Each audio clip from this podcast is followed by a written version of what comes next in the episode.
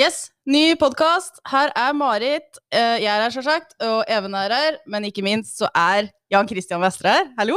Oh Hei. my god. Tusen takk for invitasjonen. Eh, Jo, jo, det var veldig formelt. Vær så god. Ja, jeg gleder meg.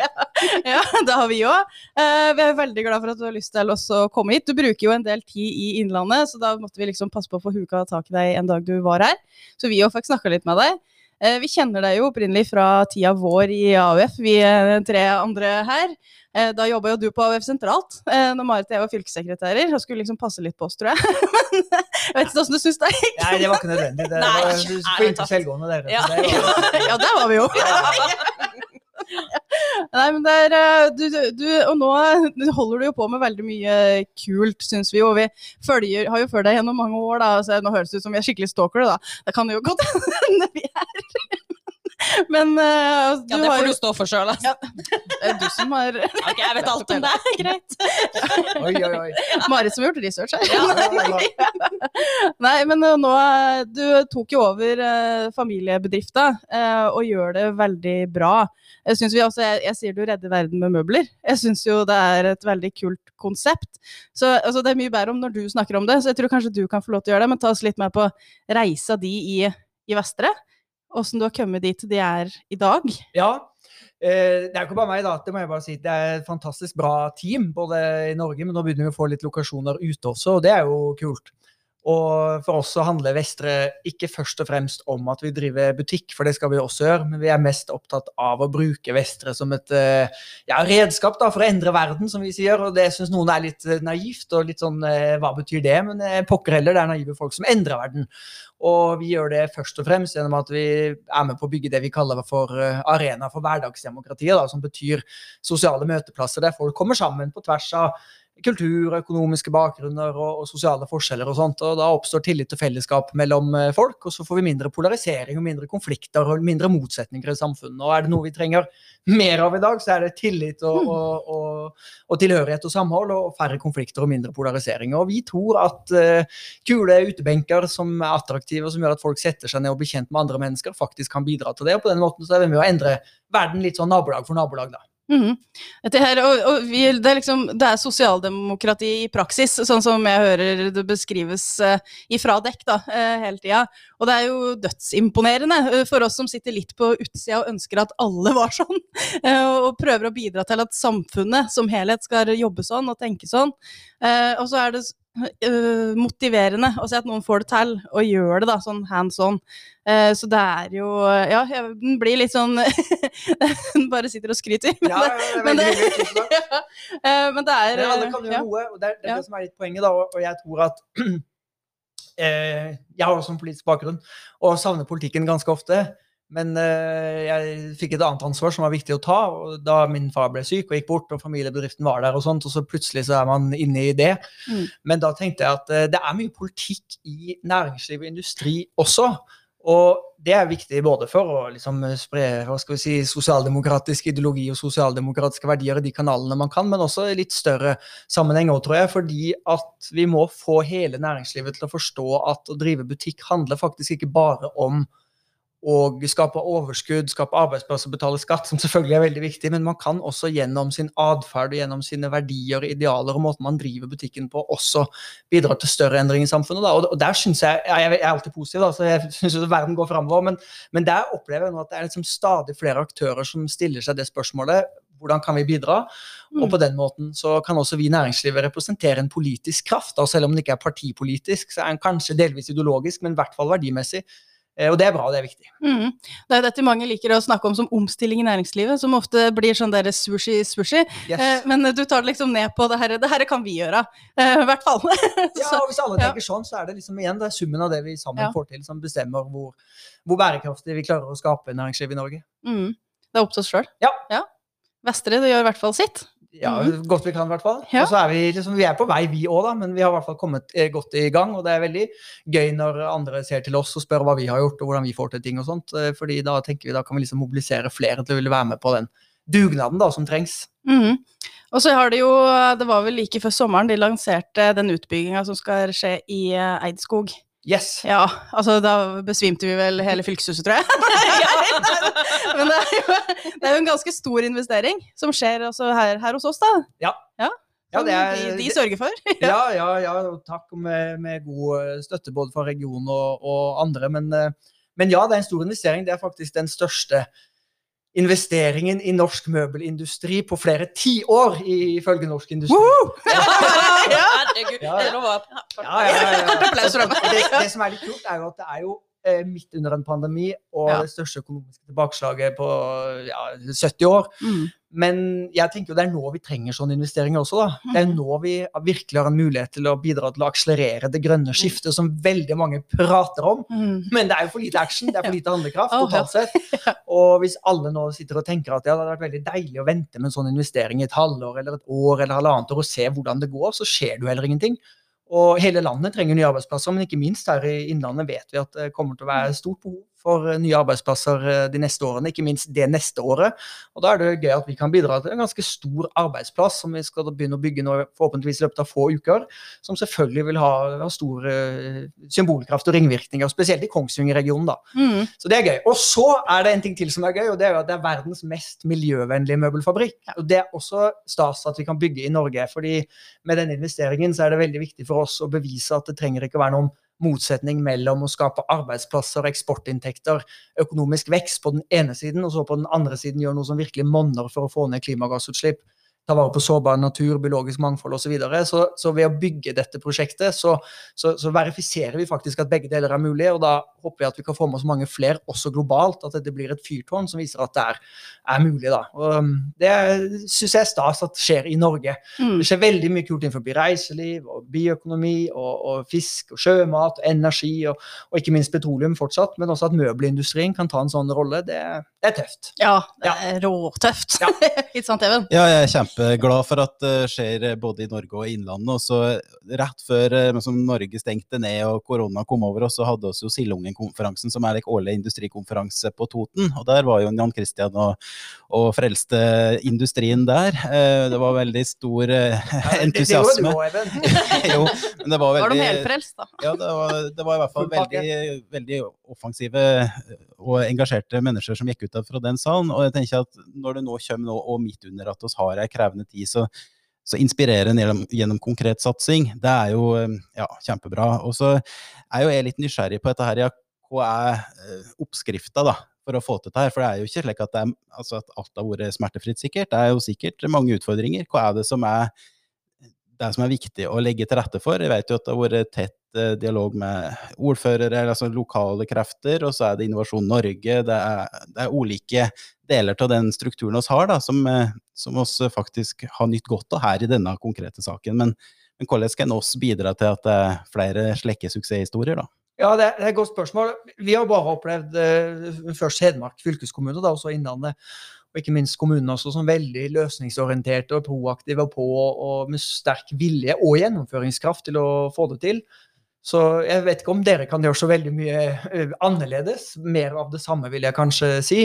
Men eh, for Norge sin del så har vi nok en del å gå på fortsatt i virkemiddelapparatet. Det er fortsatt sånn at eh, rammevilkårene for sånne type fabrikketableringer er bedre rett over grensa i Sverige f.eks. Og det er litt rart, fordi vi har stort sett det samme statsstøtteregelverket. Stort sett de samme kravene til hvordan virkemiddelapparatet, Innovasjon Norge eller Tilvekstverket, som det heter i Sverige, da, kan operere. Men det er jo et ansvar som regjeringen har da, for å bidra til å øke investeringene. Og, og dette er veldig viktig, fordi vi prater veldig mye om omstilling i Norge, men fortsatt er det sånn at vi investerer fem ganger mer i olje- og gassektoren enn vi gjør i fastlandsindustrien. Og jeg er ikke mot å investere i olje og gass, vi kommer til å drive med det i mange år til, og vi gjør det grønnere enn veldig mange andre. Så, så lenge det er et marked for naturgass fra Norge, så er det kanskje bedre at vi leverer den enn at andre gjør- det. Nå er det et annet tema, for så vidt. Men vi kan jo ikke liksom slå oss til ro med det, fordi vi vet at eh, etterspørselsfallet etter olje og gass kommer til å skje mye fortere enn det vi tror, og da må vi være beredt, og det er vi kanskje ikke i stor nok grad. Så regjeringen burde jo vært mye mer offensive selvfølgelig i å sørge for at vi også får opp fastlandsinvesteringene konkret, for det er jo det som skaper arbeidsplasser og eksportinntekter.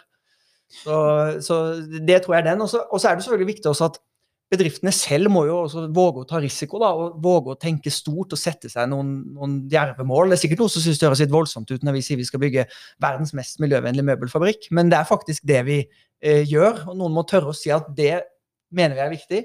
Eh, Det tror vi er mulig å få til, og så faktisk tørre å gjennomføre det også, da. Mm. Absolutt. Ja. Altså, men altså, eh, ja, nå var du innom så mye, så hvor skal jeg begynne nå? Men, men, men den fabrikken det skal jo også ha det her opplæringselementet i seg. altså At det skal være tilgjengelig for, for mange. da, eh, Så nå lærer noe om prosesser og om hvorfor det er hva skal man si, Om hele gangen i, eh, i jobben, på en måte, og gjøre det interessant og med rekruttering. ikke sant? Vi jobber jo mye med læreplasser, f.eks., og med å gjøre eh, yrker attraktive overfor unger, altså helt ifra du er unge eh, til du er ungdom, så du tar et og bevisst valg om hva du skal bli. Ja. Eh, så det er jo, tenker jeg, sånn, det er jo en viktig tilleggsfaktor til den store og viktige utbygginga, at de òg tenker sånne tanker. Yes, og det, det, det har vært, som vært eh, fra dag én en, en begrunnelse for hvorfor vi gjør dette. Det er jo et miljøvennlig produksjonsanlegg, men jeg tror faktisk det er verdens mest transparente fabrikk også.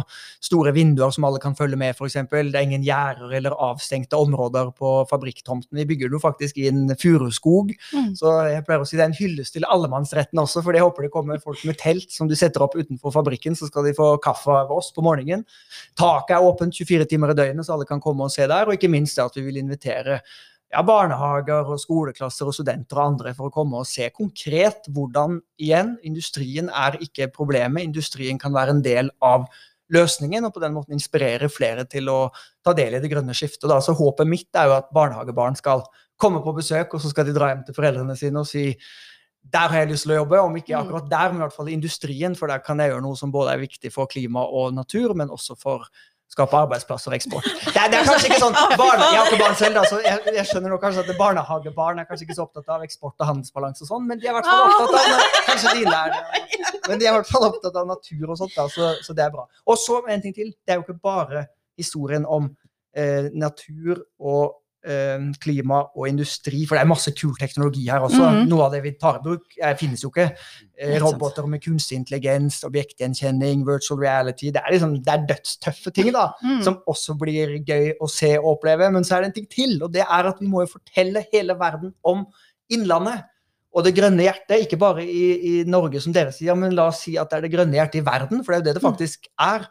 Og ikke minst historien til Eidskog og Magnor er jo helt fantastisk. Jeg er litt sånn nerd, så jeg koser meg med sånne gamle bøker og sånt, så nå har jeg lest meg opp om alt som har skjedd i disse skogene på Magnor, og dere vil ikke tro hvilken historisk grunn denne fabrikken skal eh, bygges på, som vi kan bruke da i en kontekstualisering for å fortelle hvordan man med stolthet i det som har vært, kan bygge det nye og vise verden hva som, eh, hva som skal til. Så denne ferien har vært sånn innlandssommer for oss. Vi har reist rundt og liksom lært og plukket opp ting som vi da kan formidle i dette ja, besøkssenteret vårt. da. Ja, men Dette blir helt fantastisk. Jeg gleder meg. Altså, blir, du kan jo dra dit på ferie. Ja, ja, jeg, bare, jeg ser, ser jo for meg at du kan jo ligge i telt der og ha en skikkelig opplevelsesrik eh, dag. Det er helt topp. Og så, og, men altså mine unger, da, for uh, de hadde jo storkosa seg. Det er jo sikkert både ting som, som går rundt og på samlebånd, og du ser plutselig et ekorn, liksom. Mhm. Så det, her har du alt! og det er sikkert noe som durer litt, liksom. Og det er jo knapper å trykke på. Altså, gudene vet. Så det her uh, høres ut som en gavepakke. Egentlig alt det du sa der. Ja. Marte. Ja, tenk på det bra. Takk for gode innspill. Knapper å trykke på. Jeg knapper å trykke på. Men det er jo gøy. Alle syns det er gøy. Ja, selvfølgelig. Ja. Men ikke du trykker her. Nei, nei. Jeg, jeg, jeg jeg, allerede. Ja, Det er derfor jeg sitter med sitter på hendene. Jeg Åh, nei, men så bra. Uh, men du er jo inne på den her og næringspolitikken til Norge. Uh, og åssen uh, skal vi eh, omstille Norge, da? Eh, vi er jo egentlig, de fleste i hvert fall, klar over at vi har gode olje- og gassinntekter noen år til, men vi må i en annen vei. Eh, verden trenger det. Eh, eh, og da må jo eh, Arbeiderpartiet, da, som vi er medlem av, uh, være med å utvikle den politikken. Syns du eh, Altså, har du innspill til programprosessen?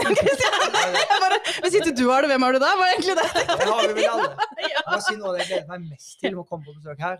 Det er, det er gode stemningen og denne latteren.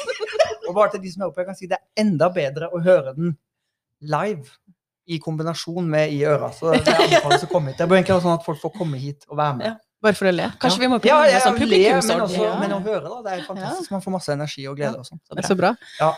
Jo, programprosessen Ja, ja, ja, ja. ja. Den er viktig. Det kommer vel snart et program, tror jeg. Ja, det kan Så, godt hende. ja. Ja. Jeg antar dere har jobbet eh, godt og grundig med det her. Mhm. Men eh, altså, jeg mener jo eh, det er, Nå trengs jo sosialdemokratiet mer enn noen gang. Mm. Fordi nå trengs det en sterk politisk kraft som både har vilje og evne og troverdighet til å både kunne forene det vi prater om her nå, da, som er å skape mange nye arbeidsplasser, eksportinntekter, fortsatt økonomisk vekst, men gjøre noe som betyr noe for klima og miljø på den ene siden, men som også tror at politikk fungerer. Mm. For det er jo det som er litt problemet med næringspolitikken, at det blir litt sånn hva det blir. Og så har vi et veldig dyktig virkemiddelapparat, og Innovasjon Norge, og det er penger, og ting settes i gang, og det er veldig mange flinke folk som jobber der. Men det mange i næringslivet opplever, er at det er jo litt sånn mangel på retning og tydelighet på hva det er vi som nasjon skal oppnå sammen, da. Eh, som er, er liksom rart. Og også en del prat om omstilling, som vi sa i stad. Altså det at vi f.eks. investerer Jeg syns det er helt utrolig at vi investerte faktisk mer i fastlandsindustrien i Norge under finanskrisen i 2008 enn vi gjorde i fjor, altså før pandemien. Ja. Mens investeringen i olje og gass økte med 40% i samme periode. Du sa vi har store inntekter for olje og gass. Ja, det er riktig, men de inntektene faller jo hvert år. Mm. Så nå er Norge faktisk i ferd med å få et handelsunderskudd med utlandet. Og hvis vi holder oljeinntektene utenfor, så er handelsunderskuddet for fastlandet mer enn doblet det siste tiåret. Det er ingen land i hele OECD-området som har tapt større markedsandeler målt i eksportvolum enn det Norge har gjort de siste 20 årene. Så, så det, det er mye prat om omstilling og at vi skal ha nye næringer og sånt, men, men det er for lite konkret handling. altså. Og Da trengs det noen djerve mål, f.eks. at vi skal doble verdien av norsk fastlandseksport det neste tiåret. Og så må vi ha politikere og en regjering som tør å peke inn retning og på noen næringer der vi tror vi har potensial, og de vet vi mye om. Karbonfangst og -lagring, flytende havvind, batteriproduksjon, hydrogenproduksjon og mye annet. Og så må man stille til rådighet kapital for å kunne akselerere skiftet. Mm. Og det, er liksom, det blir liksom litt smålig da, når regjeringen kommer med sin plan for grønn omstilling i Norge nå i forbindelse med korona. Så tror jeg det er 3,5 milliard til grønne prosjekter. På samme tid lanserer den konservative Angela Merkel en statlig plan for å gjøre Tyskland til en hydrogengigant verdt 100 milliarder kroner. Hvis Joe Biden blir president i USA, så har han lovet å bruke 1700 milliarder på å gjøre USA til en gigant innenfor fornybar energi. Det er altså dobbelt så mye som månelandingen i 1969 koster. Og så snakker vi om liksom noen hundre millioner i Norge farlig fra eller til på statsbudsjettene, og det, det blir for smått. altså Vi har ikke tid til det heller. Så mener ikke jeg at, at, at næringspolitikk bare handler om, om mer penger til prosjekter. fordi det er jo åpenbart at næringslivet må jo stille opp selv, og det er jo næringslivet som må ha de, de gode ideene om å konkurrere om den beste teknologien. Men fra alle land så vet vi at hvis man skal få fortgang i en sånn omstilling, så er det viktig med kapital som er villig til å tenke litt mer langsiktig, og som er villig til å bruke seg selv for å få ned prisene da, og gjøre ting som kanskje ikke er lønnsomt i utgangspunktet, lønnsomt på lengre sikt. Mm. Og det er ikke rocket science. Det er det vi har gjort med elbilene, f.eks. Vi bruker 10-15 milliarder skattekroner på å subsidiere elbiler i året. Det har gjort Norge i elbiltoppen, og det er veldig fint, men det skaper jo veldig få arbeidsplasser i Norge. Så vi kan bruke så mye penger på å subsidiere Elon Musk, og jeg kjører Tesla selv, så jeg er en del av dette jeg også, så kunne vi i hvert fall brukt like mye penger på å få fortgang i karbonfangst og -lagring, f.eks.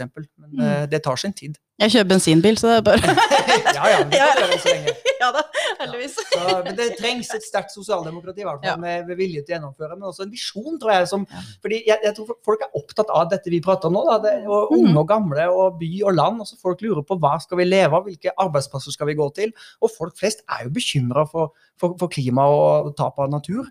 Men da må også være noen som går foran og leder vei da, og viser at eh, vi er den positive kraften som nå skal ta Norge gjennom det skiftet vi skal gjennom.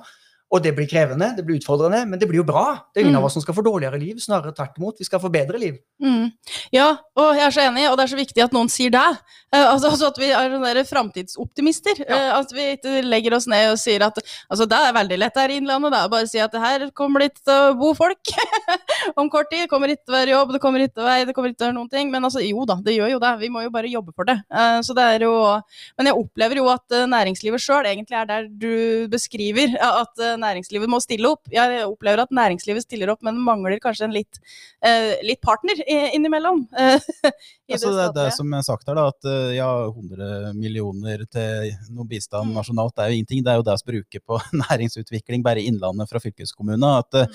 det er noe med å sette seg noen ordentlige mål og bruke de midlene som er nødvendig. Eh, oss har jo sagt det i Innlandet at oss er gode på noen næringer, og så løfta opp bioøkonomien, og så løfta opp eh, eh, cyberinformasjonssikkerhet og reiselivet, og at eh, industrien vår er ja, kjempedyktige. Og så var senest nå her etter sommeren på, på Raufoss og så på den industriparken som er der. Mm. Så det er noe med å bruke ja, i mye større grad muskler eh, på der vi vet det er et potensial. da. Og Det prøver vi iallfall også i Innlandet, og så er det fortsatt litt å gå på eh, hos staten. Enig i det. Mm. Ja, men jeg opplever dere som veldig fremoverlent. Så det er mer av dere inni det nasjonale Arbeiderpartiet også, og, og inni nasjonale eh, sammenhenger også, så jeg tror jeg det kan bli veldig bra.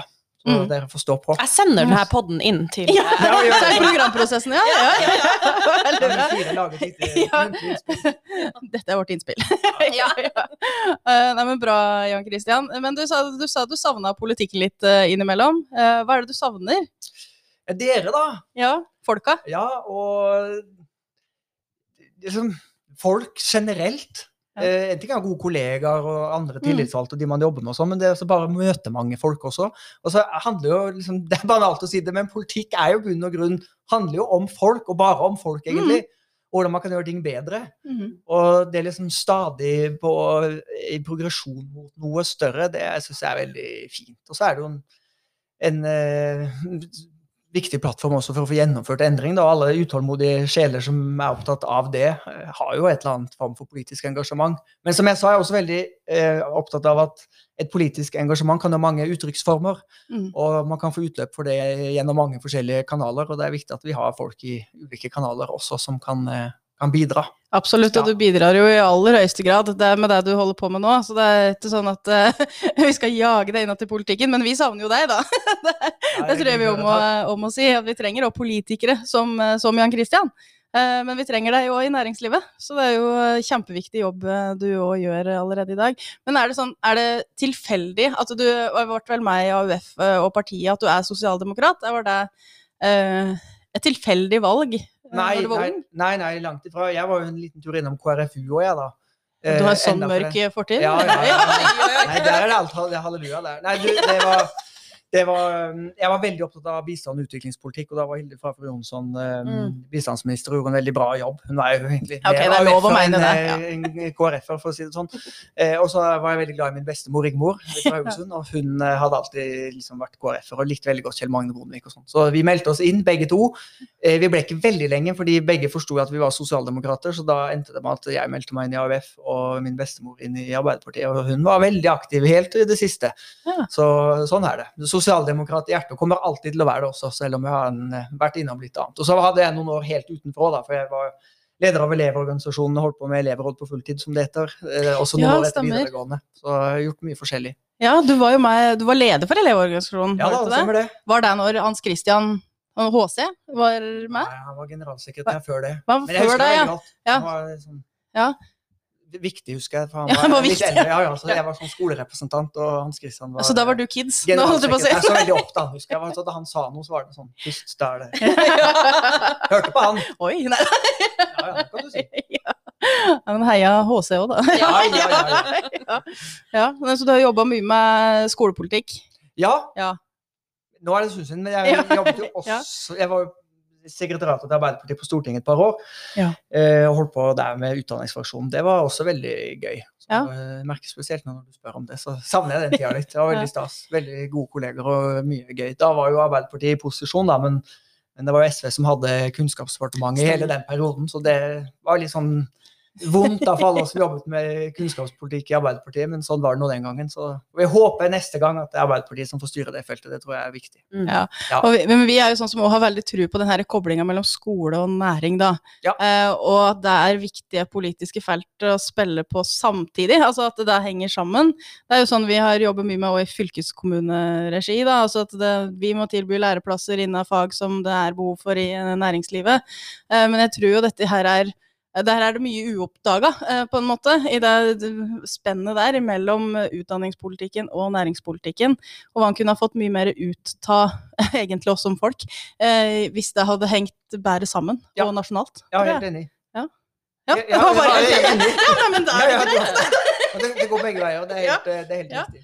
Så det tror jeg kunne vært, ja, vært mye mer spennende. Mm. Jeg drev og skulle tvinge det ved jeg var leder for komité for opplæring og kultur i Oppland forrige periode. Så var jeg jo veldig sånn der at vi må jo tvinge lærere til å slippe næringslivet inn i klasserommet, men òg ha dem ut. De må ut og jobbe litt og se, se, se åssen det er å være i jobb i dag. For det, som du jobba eh, i industrien for 20 år siden, så er det mye som har skjedd. Eh, så du må liksom ha det her, den uh, utvekslinga med jevne mellomrom for å ha en oppdatert offentlig skole. Det har vært en av mine kjepphester, da, at den offentlige skolen må utvikle seg i større grad enn vi har klart. Eh, og da må vi ta nye krefter og ideer og tanker inn, eh, og kanskje også aktører. Ja. Så det ikke blir sånne private skoler som jeg syns vi ser popper opp mer og mer. Det handler jo om kanskje litt sånn der eh, som henger igjen enkelte steder, litt sånn skepsis mot å slippe næringslivet for mye inn i, Mm. inn i skolen. og det er klart det er jo alltid en sånn balansegang hvor mye innflytelse skal næringslivet ha og ikke. Jeg husker f.eks. de her diskusjonene omkring dimensjonering av skoleplasser, og Mm. sånn som dere helt sikkert har, hvor Yes. næringslivet er jo veldig tydelig på hva som er sine behov. Men vi kan ikke liksom bare la næringslivet få bestemme heller, fordi vi har noen samfunnsoppgaver vi skal løse også. En stor offentlig sektor som er en viktig arbeidsgiver. Og selvfølgelig at uh, unge bør også følge sine egne drømmer om hva de skal bli. Så det er jo liksom å finne balansegangen, da. Men, men jeg også ser at det er stort potensial for enda bedre samarbeid, og jeg tror mange steder så er det mer av nå enn det var før også. Ikke minst fordi næringslivet skjønner at de skal være attraktive for unge, og, og det handler jo om, som vi prata om i stad, litt sånn at hvordan kan næringslivet bidra til å redde verden litt, og da må man også gjøre seg attraktive, da. Men det er jo akkurat det vi gjør i Innlandet nå, da. 2.9. så åpnes jo Læringsfabrikken på Raufoss. I parken eh, så jeg har både videregående skole, fagskole og klasserommet i Industriparken, eh, sammen med katapulten der. Så det er jo egentlig akkurat det dere prater om. Altså, En må få næringslivet, må få utdanninga tetta sammen, inn der det er oppdatert utstyr, oppdatert kunnskap. Og da blir jo resultatet mye bedre òg. Jeg Yes. tenker at det er motiverende for ungdommen som skal starte på et eh, studieløp. Absolutt. Se til Innlandet, folket. Ja, ja, men jeg tenker altså, Nå er det ikke snakk om at vi eh, skal bygge så mange nye videregående skoler i Innlandet, for vi har jo en veldig sterk elevtallsnedgang i åra som kommer, så vi får jo helt motsatt utfordring. Men hvis en skulle ha bygd nye videregående skoler nå, ville jeg ha bygd dem der det er eh, næringsliv. Altså sammen med næringa, rett og slett. For det, det blir den her hands on-opplevelsen hele veien, og det er veldig sånn synlig hva du òg kan jobbe med. Eh, Det tror jeg er kjempeviktig for å bistå unge i en veldig vanskelig valg, egentlig. Eh, For det er jo et av, et av de viktige valgene du gjør i livet, da, så går det an å eh, velge mange ganger, eh, og hva du skal bli. Heldigvis, har jeg funnet ut. Men, så, så, for det er jo ikke så enkelt, men og når du får sett hva det handler om, så er det i hvert fall én vei inn, da, Og skjønne hva du kan velge. Ja. Så det ville jeg gjort hvis vi skal bygge nye skoler, men det skal vi ikke. Nei, det tar jo litt tid før de Ja. kidsa blir store nok, da, hvis det nå har vært litt sånn demografiske utfordringer og sånt. Men øh, Mm. eh, jeg er jo fra Haugesund, og så er jeg øh, oppvokst opp i Oslo. Men nå er jeg blitt sånn skikkelig innlandsfan, altså. Så det, det er mitt nye favorittfylke. Ja. Og, og jeg- Masse plass, masse hus. ja, ja, ja. Ja. Ikke tanken, til og med. Ja. Men, øh, så hvem vet. Men, men eh, poenget mitt er at eh, jeg tror jo at Innlandet har eh, Det sier jeg ikke for hyggelig her, altså, for jeg mener det. Vi bygger jo en fabrikk her, og det er jo annet fordi vi har veldig tro på regionen. Eh, for den kan man liksom ikke bare flytte, så det, det er eh, treffer rett med en gang. Men jeg tror Innlandet har helt fantastisk potensial og muligheter. Altså muligheter større enn de fleste. Eh, både liksom lokasjonsmessig tett på en hovedstad, men også alle de ressursene som finnes her. Og da tenker jeg liksom ikke bare i, i, i eh, naturressursene, eh, næringslivet, eksisterende næringsklynger. Jeg tror ikke folk flest vet hvilke teknologimiljøer som er her, som eksporterer til hele verden. Eh, innenfor, innenfor næringsmiddel, innenfor gaming, innenfor Mm. eh, så mye forskjellig. Så skogindustrien, alt andre reiseliv, men også folka. At det jeg har opplevd, er at det er liksom veldig åpne folk som inviterer, og som er nysgjerrige, og som har eh, blikket vendt utad. da, Og det er liksom sånn suksesskriteriet for å få folk til å ville komme hit og etablere seg, bo her, ha ungene på skole her og sånt. Så mm, keep up the good work og fokusere på mulighetene, så tror jeg Innlandet har alle muligheter til å lykkes veldig godt. Og igjen, ikke bare som Norges grønne hjerte, men som verdens grønne hjerte. Tusen takk, Jan Christian, og for at du kom på podkast, men ikke minst for den gode reklama. Ja, jeg mener det. Tusen takk for invitasjonen.